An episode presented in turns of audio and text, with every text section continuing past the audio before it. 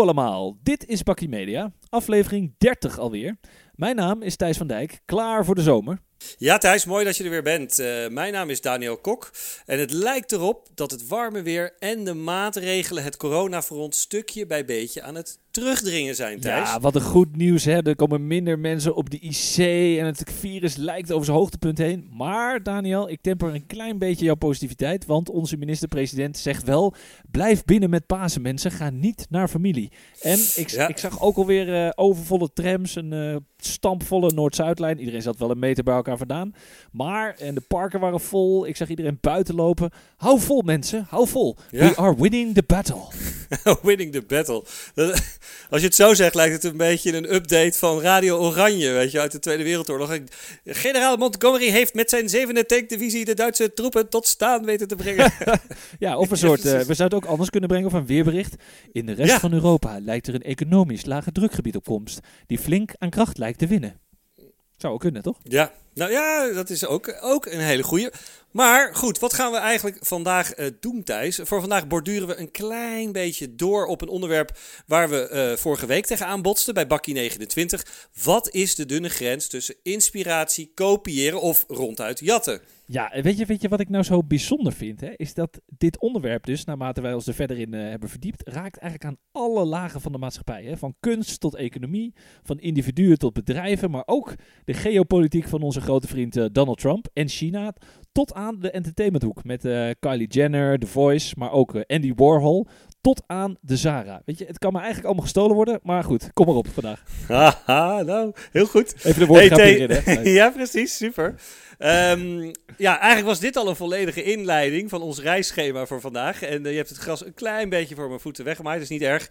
Um, maar Thijs, de vraag, heb jij wel eens wat gestolen, jongen? Ik bedoel echt stelen, hè? dat je wist dat je fout zat. Ja, nou weet je, ik ben natuurlijk uh, een heel klein boefje. Hè? Snoep bij de Jamin of uh, een pen van een vriendje of zo. Of, of bij de Albert Heijn heb ik volgens mij wel eens wat ver vergeten af te rekenen. Jij?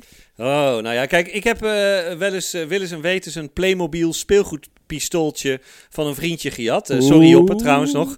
Heb ik me jarenlang schuldig over gevoeld. Ik heb dat volgens mij pas een uh, paar jaar geleden aan mijn moeder verteld.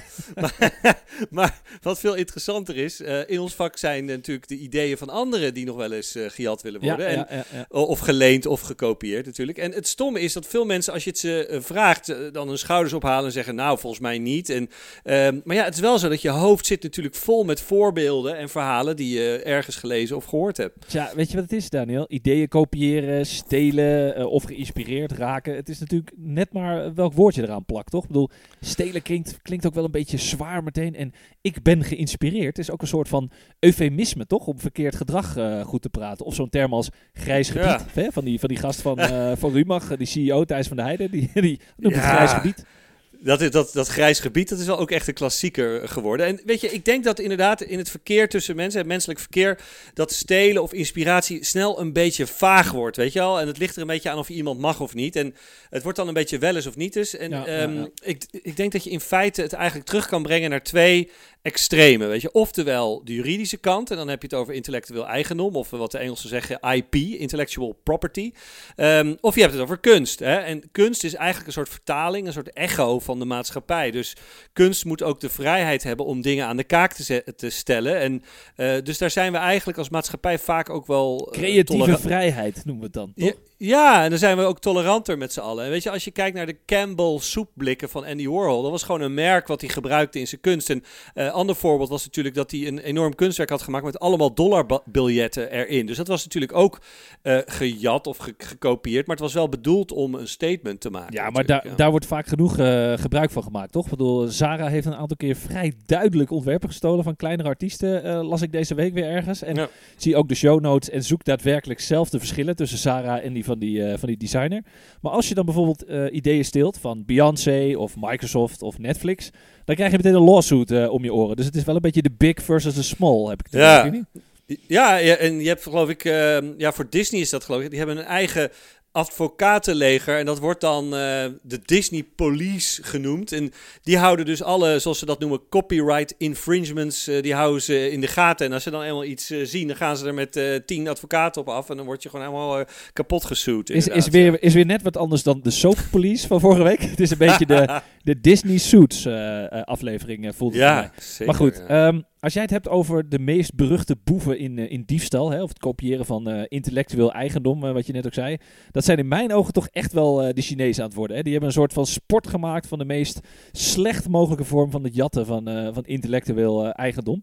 Computerspelletjes, films, complete SUV's, nou ga ze maar door. Ja, en, en gevechtsvliegtuigen ook. Hè? Want weet je nog, onze Joint Strike Fighter, ook wel bekend als de F-35. Oh ja, mooi ja. ja. Weet je, dat is dat, dat kreng waar wij dan 4,5 miljard uh, voor hebben betaald. Nooit die hebben ze gewoon. Ja. Ja, nee, nou ja, precies. Maar die hebben, hebben ze dus gewoon in China ge-3D-print of zo. En die vliegt dus nu, als een soort Chinese kopie, vliegt hij door de lucht in China. Over de Chinese muur. Mag Dat, nee, dat is inderdaad echt niet te geloven. En, maar weet je, uh, bekendere zaken die iets minder geld hebben gekocht, dat zijn toch wel de, de smartphones. Hè? Denk aan al die Huawei-mensen die uh, de VS uit worden gezet. En vooral die spy-software waar het over gaat. Maar het zijn ook eigenlijk gewoon pure copycats van, van Apple en Samsung phones, man. Het is gewoon een, een grote lawsuit country waar, waar we in zitten. Ja, ja, ja. En kijk, en dat eigenlijk in alle geledingen van de maatschappij en ook bijvoorbeeld in entertainment uh, heb je ook een paar mooie voorbeelden. Als je kijkt naar uh, het Nederlandse trots The Voice, hè, toen John de Mol dat briljant ver verkocht had in, in, in China, dat was echt een heel knap staaltje was dat.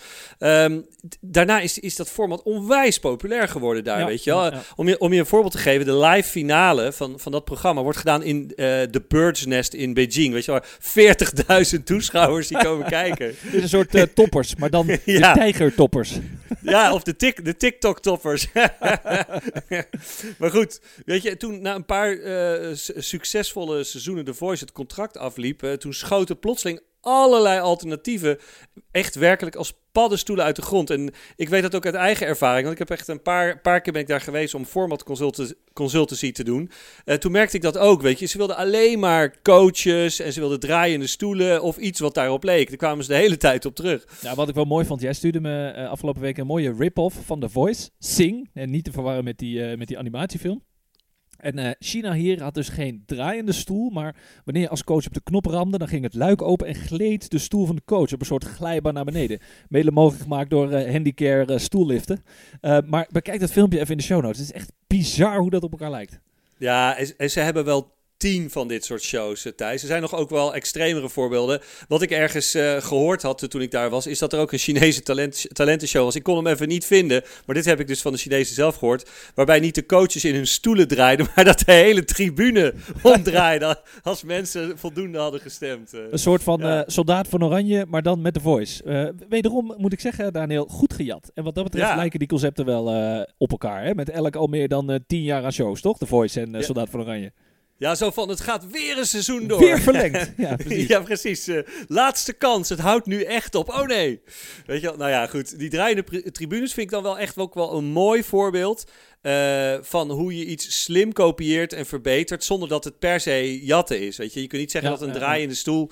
Weet je, uh, The Voice heeft niet het fenomeen uh, draaiende stoel uitgevonden. Maar, en dat ze daar dan een tribune van maken, dat vind ik dan weer een mooie innovatie. Weet je, dat kunnen ze wel, die gasten. Nou ja, dat doet me ook denken aan een, een mooie quote die ik ergens las van de Franse filmmaker Jean-Luc Godard over dit onderwerp. En het, het sprak me ook wel heel erg aan wat hij zei. Hij zegt: Het gaat er niet om waar je bepaalde dingen vandaan haalt, het is waar je ze naartoe brengt. Mooi hè? Kijk, nou, dat, dat, dat is wel een mooie, mooie manier om het te, te zeggen. En sowieso, hè, Jean-Luc Godard, uh, uh, Franse filmmaker. Um, dat is ook een beetje, dat valt een beetje onder wat ik net zei over kunst. Hè, weet ja, je wel? In films ja, heb je, zie je onwijs veel inspiratie. Weet je wel, ook de mooiste films die we kennen, die zijn dan. Dat zijn ook. Dat worden hele genres. Weet je wel. Een mooi voorbeeld uh, uh, is bijvoorbeeld Silence of the Lambs. Dat was echt een van de eerste, bijna niet voor te stellen, maar het is een van de eerste serial killer films. Uh, je had natuurlijk wel Psycho. Hello, Clarice. Ja, you precies. Hear the whispering of the lambs. Have the lambs stop screaming, ja. Clarice. Heerlijk. Wel, en uh, toen dat een succes was, kreeg je echt kreeg je er tientallen van dat soort films. En uh, ook uh, bijvoorbeeld een mooi voorbeeld is die Saving Private Ryan. Weet je, toen dat een hit was, kreeg je ineens allerlei oorlogsfilms waarbij bloed op de lens spatte en dat het net leek alsof je samen met een paar andere soldaten dat je meedeed. Nou ja, en weet je wat dus, ik las ja. is dat is dat is slechts een, een is dus ook nog een naam voor die slechte kopieën van de blockbusters. Die noemen ze dus de mockbusters. Hè? Mooi. Ja. Om maar niet uh, te spreken van de porno-versies van uh, de bekende films. Hè? Shaving oh. Ryan's Privates of uh, Kinky Kong. of natuurlijk Flash Gordon. Ja, Ja, eh, dames en heren, deze meesterwerken heb ik eh, inderdaad bij Thijs in de kast zien staan eh, bij deze videocall. Sst, sst, dames en heren. Niet doorvertellen. Nou ja, goed. Je, je moet toch wat in deze saaie tijd, zal ik maar zeggen. Ja. Ik, ik las ook ergens deze week dat de seksspeeltjes en vibrators niet aan te slepen zijn. Die worden online enorm veel gekocht. Nou, best logisch ook met al die eenzame, hitsige singles, toch, Daniel? Ja, ja, ja, ja, ja, schitterend. Maar nou, en nog heel even terug naar China dan, Thijs. Weet je, ehm, er zijn best veel voorbeelden hè, van keiharde diefstal. eh, ja, vanuit, eh, vanuit China, van, van Amerikaanse eh, ideeën, toch? Ja, het is, het is een beetje Alibaba en de miljard rovers. Hè? Ik bedoel, je, hebt, je hebt ineens de neiging om, om, om Donald Trump een beetje te gaan begrijpen. Kijk, sommigen vinden het ergens racistisch of sneu hoe hij dit aanpakt, weet je. Want, maar volgens schattingen, en dan ja, beraam ik me echt op schattingen, want die Chinezen zijn niet zo van de eerlijke data delen, heb ik begrepen, Nee. van het coronavirus. Maar de Chinese diefstal van intellectueel eigendom kost de VS jaarlijks tussen de 300 en 600 miljard dollar, Daniel. Dus Zo. het is natuurlijk geen toeval eh, dat de hoogte van die tarieven die hij had ingesteld voor eh, import uit China ter waarde van pam, pam, pam, pam, let op hè, 555 miljard Ja. dollar. Nou, het is een beetje Ja. vergelijkbaar met het eh, diefstal. Jezus, een hoop geld, man. Dat is het echt tussen de kwart en een half biljoen. Echt, echt veel geld. eh. Nou ja, en eigenlijk waren de VS en China dus begin dit jaar heel dicht bij hun handelsakkoord. Hè, dus het einde van de handelsoorlog eh, leek nabij. Waarin China beterschap beloofde en meer bescherming zou gaan bieden aan Amerikaanse rechten. Maar toen kwam het coronavirus tussendoor fietsen en stonden ze deze weer lijnrecht tegenover elkaar. Is er toch weer sprake van een soort nieuwe koude oorlog. Mooi ook, een koude oorlog met een griepje erbij. Met de onzichtbare vrijheid. Mooi. Hoe onbekender, Ja. hoe makkelijker om ze te haten, zou ik maar zeggen. Ja, ja, ja. Maar weet je, er is nog een ander aspect van dit hele, ja, laten we het uh, Jatmozen-conflict eh Mooi even woord, noemen. ja, mooi. maar dat, dat is een, een, een facet wat het eigenlijk nog pikant maakt. Eh, er is namelijk op dit moment een onwijs eh, langslepende rechtszaak gaande in, Amer- in Amerika. van een zaak die Oracle in 2010 tegen Google heeft aangespannen. En Oracle eist dus 9 miljard van Google. Hè? Dus dat is echt. Ja, dat is Ja. huge. En, en jij zei, ik, ik las het ook, ze noemen dit dus wel de copyright case of the century. En eh, heel even kleine achtergrond voor onze lieve luisteraars. In 2005 kocht Google het merk Android. Nou, dat is natuurlijk nu helemaal ingeburgerd.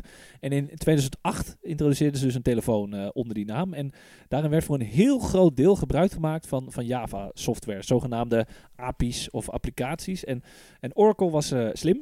En zij kochten eigenlijk Sun Microsystems, wat dus de eigenaar was van Java, een jaar later in 2009. En direct daarna, in 2010, startten ze dus een procedure tegen Google vanwege het ongeoorloofd gebruik van hun software. Nou, dat is toch wel eh, briljant. Hè? En zij zeggen nu dat de kern van het succes van Google is dat hun zoekmachine op bijna alle telefoons ter wereld kan draaien, dankzij de Java-code. Nou, hoe, bedoel Ja, hoe wil je ja. zien? Nou ja, en dan was het dus, dus zo dat diverse rechters eh, beide bedrijven een beetje zo van ons de beurt gelijk gaven. Dan kreeg die weer gelijk, ging ze een hoger beroep. Een soort TikTok weer- was het. Ja. Ja, nou ja, precies. en, en nu ligt het bij de Supreme Court, of eigenlijk het ligt stil, want eh, door corona zijn al die, eh, die zaken allemaal een beetje gepauzeerd. Maar nou komt het, hè. Google claimt dat het gebruiken van de- deze stukjes code, of die API's, in de wereld van programmeurs heel erg gangbaar is. Weet je wel? Dus als Google gelijk krijgt, zegt de rechter eigenlijk tegen China of tegen Huawei of weet ik het, andere softwarebedrijven. Het is oké om software te gebruiken van anderen zonder dat je daar één cent voor gebruikt. Dus best wel bizar dan als dat, als dat gebeurt. Nou ja, en, en het argument van Google biedt China dus in feite een rechtstreekse uitnodiging om de Amerikaanse auteursrechtbescherming, ook een mooi woord, voor eh, computercode te omzeilen. En dan net op het moment dat, dat Trump de Chinezen met zware sancties op de knie had gekregen, dat ze zeiden oké, we give up. Of in elk geval wat, wat toezeggingen had afgedwongen. Arme Trump, hij doet zo zijn best ook. Met die coronacrisis ook, helemaal het hele New York op zijn gat. Het is ongelooflijk. Ja, ja, maar het gaat dus ook wel weer twee kanten op. Want dit is eh, inderdaad een, een, inderdaad een, eh, een pikant eh, verhaal. Maar omgekeerd is dus een uitspraak voor Oracle ook spannend. Want eh, de verwachting is dat als ze winnen van het grote machtige Google, dat ze vervolgens alle kleine softwarebedrijven in de wereld, hè, alle merken, individuele developers, dat zij die weer dan om geld gaan vragen en gaan soeën eh, voor gebruik van, van hun Java software. Wow, dus dit dat, is eh, echt wel, echt, echt wel bizar. Hè? Maar ik vind het, het is nog wel een spannend fenomeen om naar uit te zien als de coronadampen straks zijn opgetrokken. Maar niet alleen de Chinezen en Google kunnen er het van. Hè? Ook sommige Amerikanen en Spanjaarden hebben wel eens wat eh, uitgefroten, toch? Oké, nou, maar dat vind ik te vaag. Weet je, naam en rugnummers, Thijs. Weet je, welke boefjes eh, gaat het hier over? Wie zijn hier de, de, de zware jongens? Ah, mooie referentie naar Dagobert Duck. Leuk hoor, leuk. Ja, ik, ik denk dat we een, eh, een hele lijst kunnen maken, Daniel. Maar heel concreet, om het eh, niet te uitgebreid te maken, hebben we het over, aan de ene kant bij de Amerikanen over Kylie Jenner. Wie kent het niet, hè? De, van Kendall Jenner en de, de Kardashian sisters. En bijvoorbeeld het Spaanse merk Sarah. Eh, die noemden we al heel eventjes kort. Kijk, Kylie Jenner die schroomt totaal niet om van kleine kunstenaars te stelen. Maar ook gewoon van grote artiesten kan haar het schelen. Eh, op een bepaald moment bracht ze namelijk een kledinglijn uit. Met daarop ongevraagd, zonder dat ze iemand überhaupt eh, overlegd had. Van The Doors, Metallica, Pink Floyd, Tupac. En ze plakte gewoon haar eigen gezicht erop. en uiteraard volgde er niet veel later. Ah, we're sorry. Ah, De miljoenen stroomden gewoon binnen. En die heeft er ook een soort van sport van gemaakt om gewoon Ja. te stelen. Nou, wat ik een beetje begreep was dat het inderdaad al een, jaartje, een paar jaartjes wat geleden was. Maar wat, Ja. hoe zat het met, met Sarah dan ook alweer? Nou, dat was ook een aantal jaar terug. Dat, dat heeft over het hele internet gestaan. En eh er was een kleine ontwerper, mooie naam ook, Tuesday Basson. Ik bedoel, noem je jezelf Tuesday Basson? Eh, Cool. Die maakte dus allerlei eh, grappige icoontjes van lollies en vlaggetjes en weet ik het allemaal wat. En Sarah kopieerde die letterlijk in hun kleding en naaide ze in hun groezelige naaiateliers in Bangladesh op hun eh, goedkope rotkleding, eh, zou ik zeggen. ja, waarschijnlijk ook nog ge- gemaakt door, eh, door kinderhandjes van, van kindjes van zes, Ja, zes jaar oud. ja. Hey, trouwens even iets anders over kinderen of kids gesproken. Ehm, heb je dat filmpje gezien van Justin Bieber en, en James Corden in, in zo'n dansstudio, die, wat ik je doorstuurde? Ja, dat, wat ik moet, moet ik echt zeggen, dat was echt geweldig. Dat heb ik dus even van jou geleend. En heb ik eh, Oh. even, even op ons eh, Instagram eh, gezet, bij onze uh, Media podcast. En ook even op mijn eigen persoonlijke LinkedIn gedeeld, om eventjes te scoren. Hè. Kinderen scoren Tuurlijk. altijd. Ja. Maar ik moet zeggen, het was wel echt fenomenaal. En, en het is eigenlijk heel simpel, heel aandoenlijk gedaan. Kindjes van een jaar of vier, vijf, zes, die dansten freestyle. En die twee gasten, ja, Justin Bieber dus en, en James Corner, die stonden erachter. En die moesten de moves van die kids kopiëren. Of tenminste, dat deden ze dan. Dat was echt briljant. Ik heb keihard gelachen in de tuin bij het eh, kijken van de film. Ja. Ja, het is onderdeel geloof ik van The Late Late Show met James Corden. Maar eh, ja, wel echt een eh, mooi, mooi onderwerp. En trouwens, ehm, dit is niet, staat niet op zichzelf, het feit dat zij deze kinderen aan het nadoen waren. Het kopiëren van dansjes is ook echt een, een soort van kopieer-jat onderwerp. Wist je dat? ja, maar dat, het lijkt me wel verdomde lastig ook trouwens, je dat vastlegt. Je steekt je arm uit, je been, je doet de pirouette. Hoe, hoe bescherm je dat dan? Hoe je dat Nou ja, beschermen? Dat, is ook, dat blijkt ook een lastig issue. Maar eh, toch eh, kwam op een gegeven moment eh, Fortnite eh, van Epic Games, dat misschien wel het bekendste game van dit moment, kwam echt best wel onder vuur te liggen. En sterker nog, ze werden gewoon ook nog eens een keer gesued, omdat ze één op één allerlei bekende dansjes van mensen overnamen. En die dansjes die kon je dan vervolgens als speler kopen in een winkel, weliswaar met virtueel geld, dus de zogenaamde V-Bucks, waar Govert het altijd over heeft. maar Oh ja, toch, weet ja je. maar, maar Ja. Aan, wat voor, aan wat voor type dansjes moet ik dan denken? Dat kun je natuurlijk niet voordoen in onze podcast helaas. Zou leuk zijn, maar... Misschien moeten we dat alsnog een keer doen. Maar eh, ja, als voorbeeld het eh, paardje rijden bij Gang Gangnam Style Ah, bijvoorbeeld. check, ja. Die ken ja, ja, ja. Hop, Maar of een ander voorbeeld is het... eh, ja, precies. Hop, hop, hop. Maar ook het, het stomme dansje van Jim Carrey in Dumb and Dumber. Weet je wel, een soort hoempapa eh, dingetje. Maar ook eh, het soort van coole stuurdansje van, van Snoop Dogg in Drop, Drop It Like It's Hot. Drop It. Dan gaat hij echt zo met zo'n... Oh ja, mooi. Ja. zit hij-. Alsof hij in de auto zit. Eh, en, en misschien wel de bekendste ook nog, ook wel wat ouder, is de Carlton Dance van Fresh Prince of Bel-Air.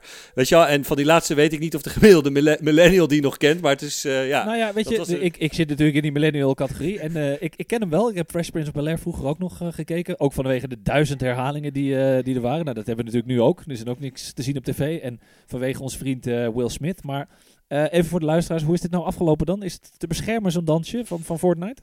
Nou ja, je zegt het dus al, dansje, een move, één dansbeweging. Eén beweging is dus niet te beschermen. Dus pak een beetje Michael Jackson's eh, nazaten. Die kunnen niet zomaar iedereen die ergens in een video een moonwalk doet, aanklagen of zo. Dat kan niet. Maar bijvoorbeeld als je een complexe choreografie hebt, zoals bij een balletvoorstelling van de, van de notenkraker of zoiets. zo. Oeh, Ja, Zwanemeer. precies. Zwanemeer is een hele goede. Weet je, dat is wel te beschermen. Met andere woorden, eh, Epic Games, weet je, de eigenaar van, van Fortnite, maakt zich eh, totaal geen zorgen. Ehm, maar goed, hey Thijs, we gaan nu eh, richting eh, een beetje een saai paasweekend. eh, zonder ons, onze familie, zonder opa's en oma's. Jouw ouders in Spanje en van je, schoon, je schoonouders ook. Heb jij nog een goede kijktip? Weet je, wel? van mij betreft is het 100% gejat of gekopieerd, maakt me niks uit. Hmm, even denken hoor. Nou, ik, ik heb wel een tip. Die is niet per se gejat. Maar het gaat wel over het, onder andere over het jatten van iemands naam. En een merk. En ook over murder, madness en mayhem. Ik doe gewoon even lekker een pikante trailer. Ah, Eh, het gaat hierover, Daniel. De Netflix-serie The Tiger King. Ah, oké. Ik heb wel langs over zien komen. De Tijgertoppers. Nu hebben we het over The Tiger King. Ja. Ehm, voor de mensen die hem nog niet gezien hebben, gaan we kijken. Het is een, eh, een documentaire over dierentuinen en hun zookeepers in Amerika. Die tijgers en leeuwen en luipaarden en cheetahs hebben. En daar bakken, nou ja, laten we zeggen, klauwen met geld aan verdienen. Ja, daar is die. Ja. Ja. En nu is dus deze eh, hoofdpersoon van deze documentaire, dat is een man die zichzelf Joe Exotic noemt. Eh, die- Fantastisch ook weer trouwens. ja, dat is ook een hele exotische gay man. Hij heeft ook twee, twee mannen, maar dat terzijde. Ehm hij is aangeklaagd voor het plannen van een huurmoord, eh, murder for hire heet het eh, in Amerika, op een van zijn concurrenten. Ja, oké, maar wat, wat had hij dan eh, gejat eh, in het hele verhaal? Hoe nou ja, dat, wat het dus in deze serie is, het gaat natuurlijk over big cats, eh, maar uiteindelijk ook over copycats. Dus daarom vond ik hem ook zo toepasselijk. Die Joe Exotic, die kopieert letterlijk de naam van zijn grootste concurrent Carol Baskin, die dus een mega succesvolle big cats eh, opvang heeft onder de naam, ja komt die, Big Cats Rescue. Eh, En Mhm. Joe, ja, die maakt er heel origineel Big Cat Rescue Entertainment van. Met eigenlijk exact hetzelfde logo, met alles erop en eraan. Copycat dus. Nou, weet je wat, Thijs? Ik vind het echt een mooie tip om mee af te sluiten. En weet je, Thijs, hè, straks dit weekend, als jij eieren gaat zoeken in je woonkamer of in je slaapkamer, bedenk dan maar: het is niet waar je het eitje vandaan haalt, maar wat je er uiteindelijk mee doet. hè? Hele goede Daniel. Nou, om even af te Top. sluiten. Dan was het voor vandaag de uitsmijter, dames en heren. Goed, Weet je, we een klutsei hoor. Beetje een klutsei. Nou, we zijn wel weer aan het unieke einde gekomen van deze eh, memorabele 30ste aflevering. Dit was Bakkie Media alweer. Eh, zoals gebruikelijk is deze aflevering terug te luisteren op Soundcloud, Spotify en Apple Podcast. Ook zijn we terug te vinden op de platformen van onze mediapartners, de Adformatie en de Ondernemer. We zijn te vinden op Twitter via @bakkiemedia, op Instagram via @bakkiemediapodcast en ook op Facebook voor onze familie en vrienden. En vergeet niet te liken, commenten en ons te volgen. Tot volgende week.